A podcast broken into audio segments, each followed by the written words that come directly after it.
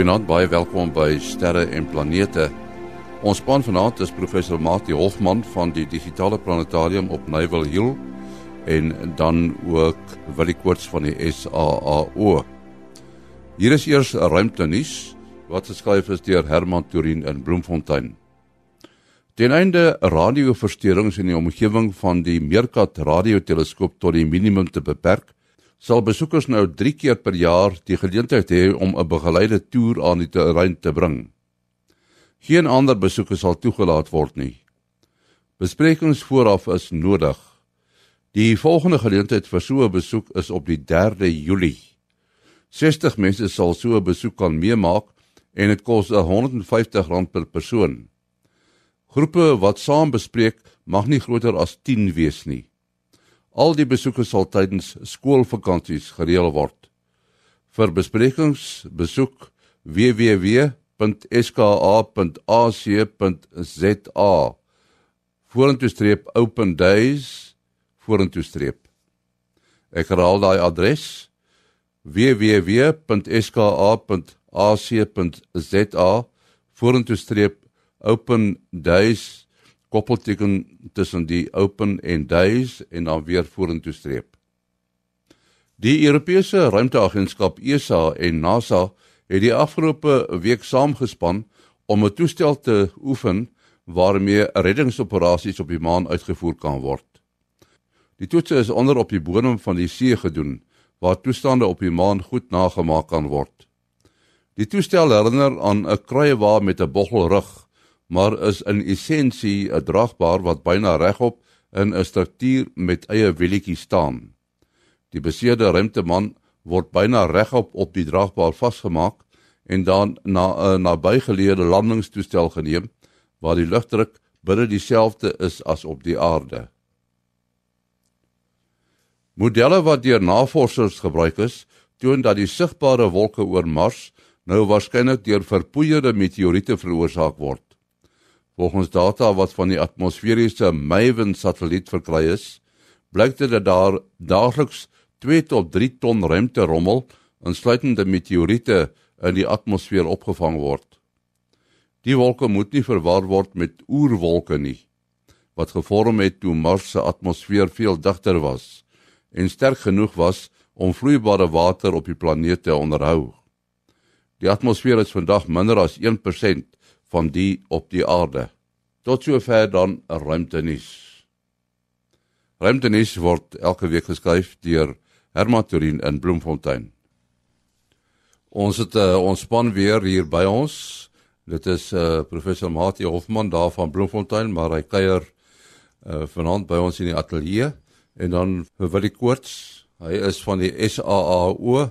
Ouder gewoonte sit hy daar in die Kaap is regtig die Kaap van storms deesdae nê Willie? Ja, ons het nog al 'n taamlike stormagtige week laasweek gehad.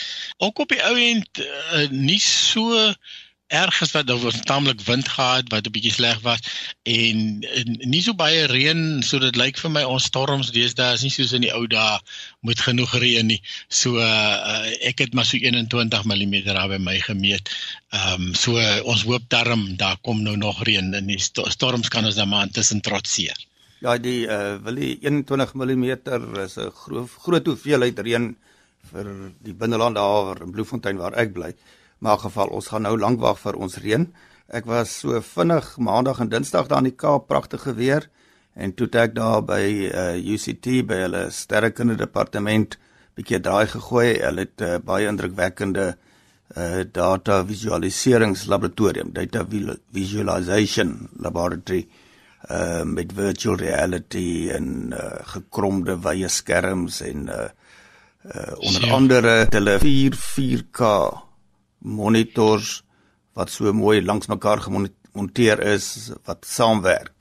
Eh, so natuurlik die sterrekundiges werk met groot datastelle en uh, as jy nie dit mooi visueel kan voorstel nie dan bly dit 'n bietjie van van Grieks wat al die data beteken. ja, ek kan miskien byvoeg daar in in die SALT se uh, uh beheerkamer het hulle ook van hierdie kromskerms nou deesdae opgesit. So dit lyk nogal vreeslik indrukwekkend met hierdie ek dink is drie van hulle wat langs mekaar staan en dan is hulle ook aan mekaar verbind so die data is so versprei tussen die tussen die klomp skerms daarso. So hierdie platskerms het daarom die die die wêreld heel op sy kop gedraai. Ek weet uh 20 25 jaar terug het ek eendag in 'n elektroniese tydskrif gesien het hulle gesê eendag gaan uh die uh, jy jy het nog 'n TV soos 'n portret aan die muur kan hang en ons is nou daar né? Dis ongelooflik. Ja nou wag ons vir die holografie Ja, ja. Wel, dit is nie te ver uit nie. Ehm um, uh die die manier om om 'n spektrum te maak. Ons weet almal van skole en en en uh 'n prisma as jy wit lig inskyn by 'n prisma dan kry jy uh dan kry jy sy kleure en dan is daar 'n grating wat 'n ander manier is. Dis basies 'n stuk glas wat baie fyn streepietjies langs mekaar getrek is. Ons praat van ons het gratings hier by ons van 1200 lyne per millimeter. Uh baie baie fyn lyntjies en dit gee dan en men ons kry dieselfde effek as jy op 'n CD kyk. As jy 'n CD omdraai, dan dan sien jy daai kleur effek. Um nou is daar holografiese gratings wat um wat vir jou uh, uh dit mag jou instrumente baie meer meer kompak maak en ehm um, so die holograwe is dan ook nie te ver af van die moderne tegnologie waar waarin ons lewe nie. Ja, ons uh, moet 'n bietjie praat oor uh, SpaceX wat nogal baie bedrywig is. As 'n mens praat van SpaceX, dan uh, is dit dan die die sogenaamde Falcon Heavy vuurpyl wat uh gelanseer is uh vir 'n sending. Uh vertel ons 'n bietjie meer van die lansering en die Falcon Heavy en wat hy gedra het, Willie? Uh ja, Dinsdag was daar 'n baie indrukwekkende wel elke keer as Falcon Heavy gelanseer word is dit maar indrukwekkend so ehm um, uh, ons ons het daar gehoor van Falcon 9 wat redelike groot vuurpyl is wat SpaceX nou deesdae mee na die ruimtestasie toe gaan en sulke klas van goed en ehm um, en dan as hulle daai selfe vuurpyl vat en hulle hulle hulle sal drie van hulle aan mekaar reg uh dan kom ons by die Falcon Heavy uit. Nou uh as die ding daar op die aanloopbaan staan of op die lanseer 'n uh, uh, uh, uh, terrein uh, pad staan, dan weeg hy so 1.4 miljoen kilogram. So 1420 uh ton um en uh as hulle dan daai metode dit is altesaam uh, 26 metode wat wat wat aangeskakel word dan gee hy dieselfde stiekrag as so 18 uh 737 vliegtye uh en en uh, hulle praat van oor die 5 miljoen ton 'n uh, pond uh, ekskuus uh, 5 miljoen pond stiekrag wat, wat wat verleen word om hierdie om hierdie stuk gewig in die lug op te kry. So die Falcon Heavy as hy volgelei is, kan hy so amper 64 ton uh in die la uh, baan van die van, van al die ou wat ons praat van low earth orbit en uh so dis amper 64 ton hy kan uh 27 ton uh opsit in in wat noem GTO geostationary trans transfer orbit. So dit is dan om om iets geostasionêr te kry en hy kan so amper 17 ton Mars toe neem en dan net so 3.5 ton uh sover as Pluto neem. So uh, die vuurpyl is is regtig die volgende generasie vuurpyle om die diep ruimte in te gaan en en dit is ontwikkel deur 'n um, 'n privaat maatskappy. 70 meter hoog uh staan staan die vuurpyl dan op die op die aanloopbaan. Ja, so Dinsdag het hulle 24 satelliete altesaam gelanseer. Dit is 'n hele paar rekords gewees. Uh ons weet nou deesdae byvoorbeeld wanneer die uh vuurpyl lanseer, dan uh die, die twee wat wat hulle noem side boosters Uh so dat so dis 'n middel wat center core is in die middel met die twee side boosters. Hulle val baie gou af so na 'n paar minute en dan draai hulle om en dan kom land hulle. En nou ja, dit is nou is natuurlik altyd indrukwekkend om dit te sien. Hierdie was nou 'n naglansering. So die dit was nie so mooi as in die, in die dag nie. Uh die center core self, die die middelgedeelte, uh as die uitgebrand het, dan omdat hy natuurlik nou heelwat verder gaan, kan hulle hom nie terugbring nie. So die gaan land dan op 'n wat hulle noem 'n autonomous drone ship wat ergens in die in die oseaan lê en ehm um, die keer het hulle al gesê dit is 'n baie ehm um, entoesiastiese probeerslag om hom uh, op die drone ship te gaan neersit op dieselfde manier. Hy draai om en hy en hy kom af en hy voete wat uitkom en hy land. Uh so dit was die enigste mislukking uh, hy het toe nie die drone ship op die drone ship geland nie. En dan 'n ander interessante en dis ook nou die eerste keer ek het nou al gesien hulle uh, probeer dit. Dis nou een ding van Elon Musk is hy sê maar hoekom kan ons nie die goed oorgebruik nie. Nou hierdie is die eerste vuurpyl wat alles alreeds gevlieg het. So dit is alles dele gewees wat voorheen gevlieg het wat uh, wat nou oorgebruik was. En uh, een van die goed wat hulle wat hy al lankal gesê het moet ons nie uh, vermors nie is die loonvrag sit mos bo in die sogenaamde nose cone en daar is twee gedeeltes. Dit is hulle moet praat van die ferry dan kan 'n bakkie se kappie wat dan kan afkom uh, wat alles nou nou mooi toe hou die ferrings val gewoonlik net in die see en uh, hulle het al lankal besluit die goed kos 'n klomp geld en hulle moet dit herwin en hulle het 'n boot ontwikkel met 'n massiewe net Ehm um, die ding dit lyk let, letterlik soos 'n hokkie net op iets wat nou net baie groot is. Ding is so groot soos 'n soos 'n tennisbaan en uh en uh die ding word bo op 'n skip ontplooi in die skip jag en en gaan ry en probeer die ding vang. Nou die uh fairings is nie hulle word nie beheer nie, so hulle val net in. En ehm um, en vir die eerste keer het hulle een van hulle gevang gekry. En uh, hulle het ook nie bedoel om meer as een te probeer vang nie. So die volgende gaan gebeur is om te kyk of hulle nie twee van hulle kan vang. So dit was weer 'n eerste keer. Ja. So die die eintlike loonvrag is eintlik ehm um, die uh die lugmag. Uh dit was 'n uh, stelsel wat heel dan nou dan nou heel bo gesit het. Dit is dan ook uiteindelik die laaste uh, loonvrag wat hulle en en die, die keer was hy in die hoë baan. So ons praat altyd van LEO low Earth orbit. Dis waar waar die meeste satelliete sit wat ons ken ruimtestasie ensovoorts en dan die volgende is medium earth orbit. Uh en dit is uiteindelik waar hulle die uh, die hoofloonvrag uh, uh, gaan gaan uh, gaan parkeer het. En dit het amper 6 ure gevat om om, om daar uit te kom. En uh, dan is daar nou 'n klompie ander loonvragte ook die interessante een is die een waaroor ons nou die dag gepraat het oor die een waar hulle die groen brandstof uh, gaan gaan ont, gaan toets.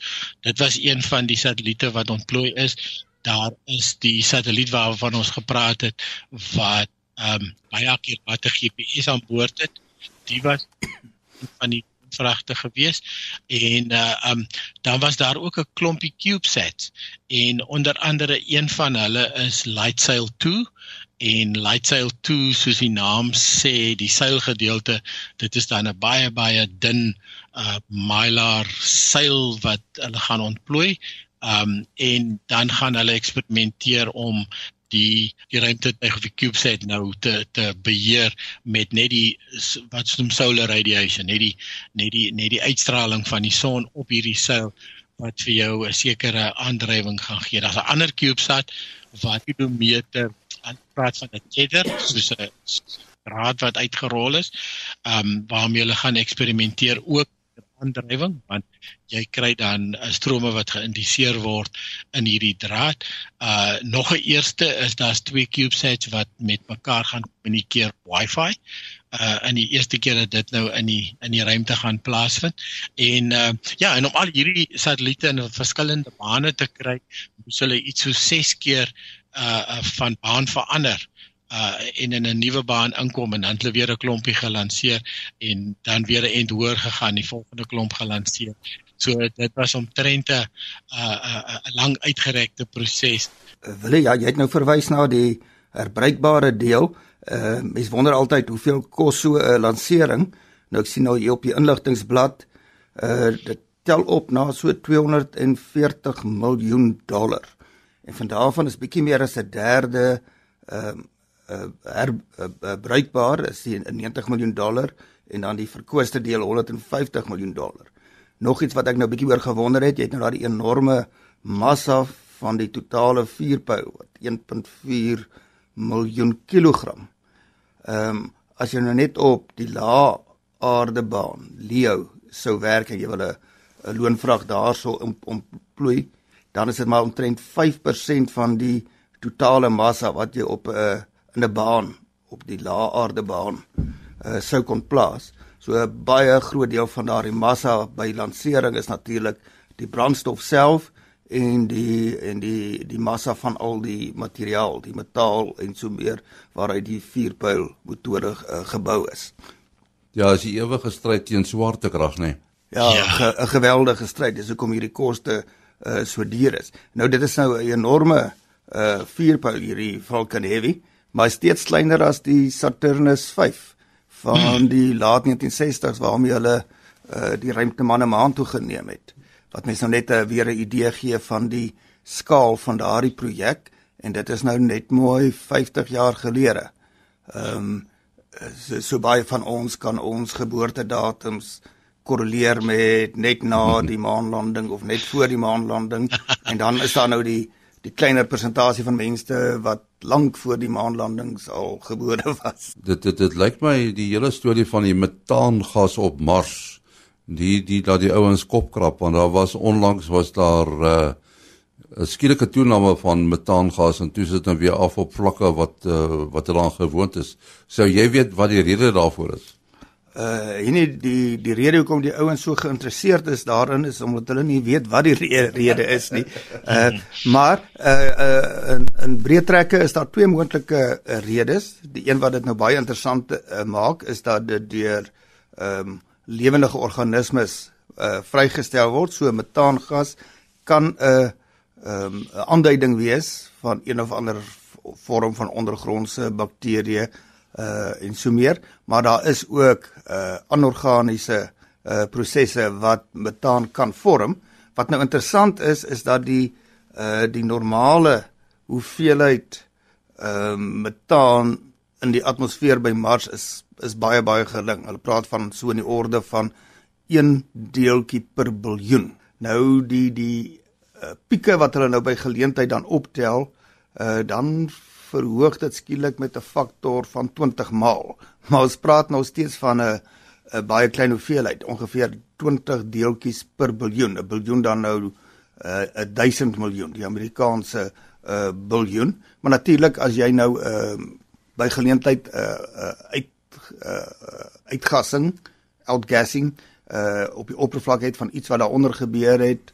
Ehm um, dan kan mens nou dink daardie enige vrystelling word baie gou verdun en dit is hoekom um, dit nie vreemd sal wees as dit nou maar baie lae uh, uh digtheid is nie. Baie klein aantal deeltjies uh per biljoen is nie. Behalwe as die oorsprong die bron baie naby aan jou instrument is. Nou die bepaalde instrument wat hulle gebruik word die SAM genoem met sample analysis at Mars. Ehm um, en hy het 'n spektrometer. Ehm um, wil dit nou nou so 'n bietjie uh, verwys na die diffraksieroosters waarmee jy die kleure van lig kan skei. Ehm um, so as jy nou lig deur die atmosfeer skyn in die geval van van Mars, dan is daar bepaalde frekwensies wat geabsorbeer word wat absorpsielyne gee in die presiese kleure of golflengtes waarby dit geskied gee dan net vir jou aanduiding van die ehm um, die samestelling van die atmosfeer en dan sê jy nou 'n uh, sekere vingerafdrukke afdruk vir metaan uh, deeltjies het en uh, dit is dan wat hulle sal sien daardie bepaalde absorpsielyne word uh, verskyn of skielik of word baie donkerder word baie uh, baie duideliker. Ehm um, nou die die die anorganiese prosesse eh, kan onder andere plaasvind deur sogenaamde fotogemie waar jy nou 'n uh, gesamentlike effek kry van byvoorbeeld die koolstofdioksied in die atmosfeer waarvan daar baie is en dan het jy uit die uit die grond uit kry jy nou ander organiese molekules en organiese molekules bestaan ons nou maar hoofsaaklik uit uh koolstof en waterstof. Uh betaan uiteindelik is 'n uh, koolstof met vier waterstowwe. Ehm uh, so as jy nou die basiese boustene daar het, dan jy 'n bietjie energie nodig wat jy van die son af kry en dan vind die fotochemie plaas en dan kan jy nou 'n uh, 'n metanol byvoorbeeld kry wat nou uh, CH3 met 'n OH groep is of jy kan uh, metaan kry. Ehm um, so dit is nou 'n hele klompie chemie wat daar moet plaasvind uh net bo die oppervlak of net onder die oppervlak van van Mars waar jy al hierdie bestanddele bymekaar kan kry. Maar omdat dit nou ehm uh, maar nog bietjie raaisel is en die huidige instrumente is nie so sensitief nie, beoog hulle om op die volgende Mars rover ehm um, Mars 20 Mars 2020 en hy moet nog eintlik sy formele naam kry, gaan hulle 'n uh, 'n speerinstrument hê. Hulle noem hom sommer Sherlock. Maar hmm. sonder die K op die einde. En uh, hierdie ouens, ek dink hulle spandeer nogal uh baie prettige tyd om hierdie akronieme uh saam te stel. Nou Sherlock staan vir Scanning Habitable Environments. So daar kan jy nou sien die fokus om te kyk na 'n bewoonbare omgewing waar lewe kan bestaan. Scanning hab Habitable Environments with Raman and Luminescence uh for organics and chemicals. So, ek gaan dit nou nie uit my kop uit makliker onthou nie. 'n Mens sal so 'n paar keer moet oefen en die Engels is al klare uitdaging net om mooi korrek uit te spreek. Ehm uh, maar in geval, dit is 'n groot langtermyn storie op uh op Mars spesifiek en ek dink nie ons gaan die finale antwoord daarvan gou hoor nie. Uiteindelik sal hulle maar bietjie moet boor daar by Mars in omgewings waar hulle hierdie gesien het dat metaan uit die grond uit by geleentheid vrygestel word. Maar enige proses wat van die konstantheid afwyk. So as mens nou net so oppervlakkig na 'n planeet soos Mars kyk, dan lyk dit of daar nie veel verander nie, maar by Mars ten minste wat mens wel kan sien sommer deur 'n teleskoop van die aarde af, is die enorme stofstorms wat ook 'n verskynsel is wat die ouens nou nogal 'n bietjie begin hou vas opkry uh in terme van die die tydpatroon daar seisonale tamelike seisonale effek ehm um, en 'n korrelasie tussen uh kleiner storms wat kombineer om groter storms te te vorm.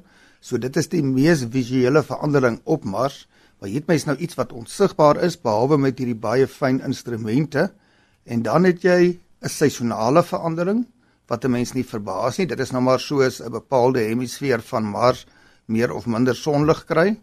Deur die tydperk van 'n jaar op die aarde het ons baie seisonale veranderings, maar dan is hierdie uh onvoorspelbare gebeurtenisse wat jy skielik hierdie pieke kry.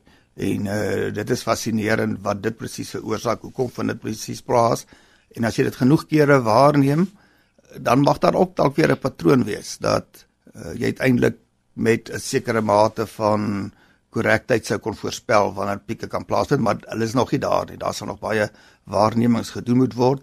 Sodra jy voorspellings wil maak, dan moet jy 'n uh, eh, statisties beduidende aantal waarnemings hê uh, sodat jou voorspellings meer akkuraat word en dat dit uh, enigstens moontlik kan wees om patrone te herken. Jy dieselfde verskynsel kry jy met met sterre. As jy gaan kyk na die die helderheid van uh die sogenaamde wisselsterre, dan is daar baie moontlike verskillende patrone hoe dit periodies of selfs heeltemal willekeurig in die helderheid uh, uh, verander en deur die dekades het die mense nou al baie werk gedoen om die patrone te probeer uh vaspen en daar's baie vordering gemaak maar daar's altyd die uh daar's byvoorbeeld die sogenaamde flare stars ehm uh, wat maar doen wat hulle wil op onvoorspelbare tye. Ons moet afsluit uh Wat is jou besonderhede? Uh ja, selfoonnommer 0724579208.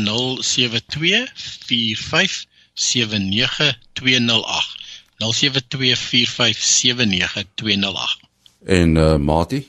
0836257154. 0836257154. En my e-posadres ouer gewoonte maas.henny@gmail.com. maas.henny@gmail.com. Tot volgende weer. Alles van die beste.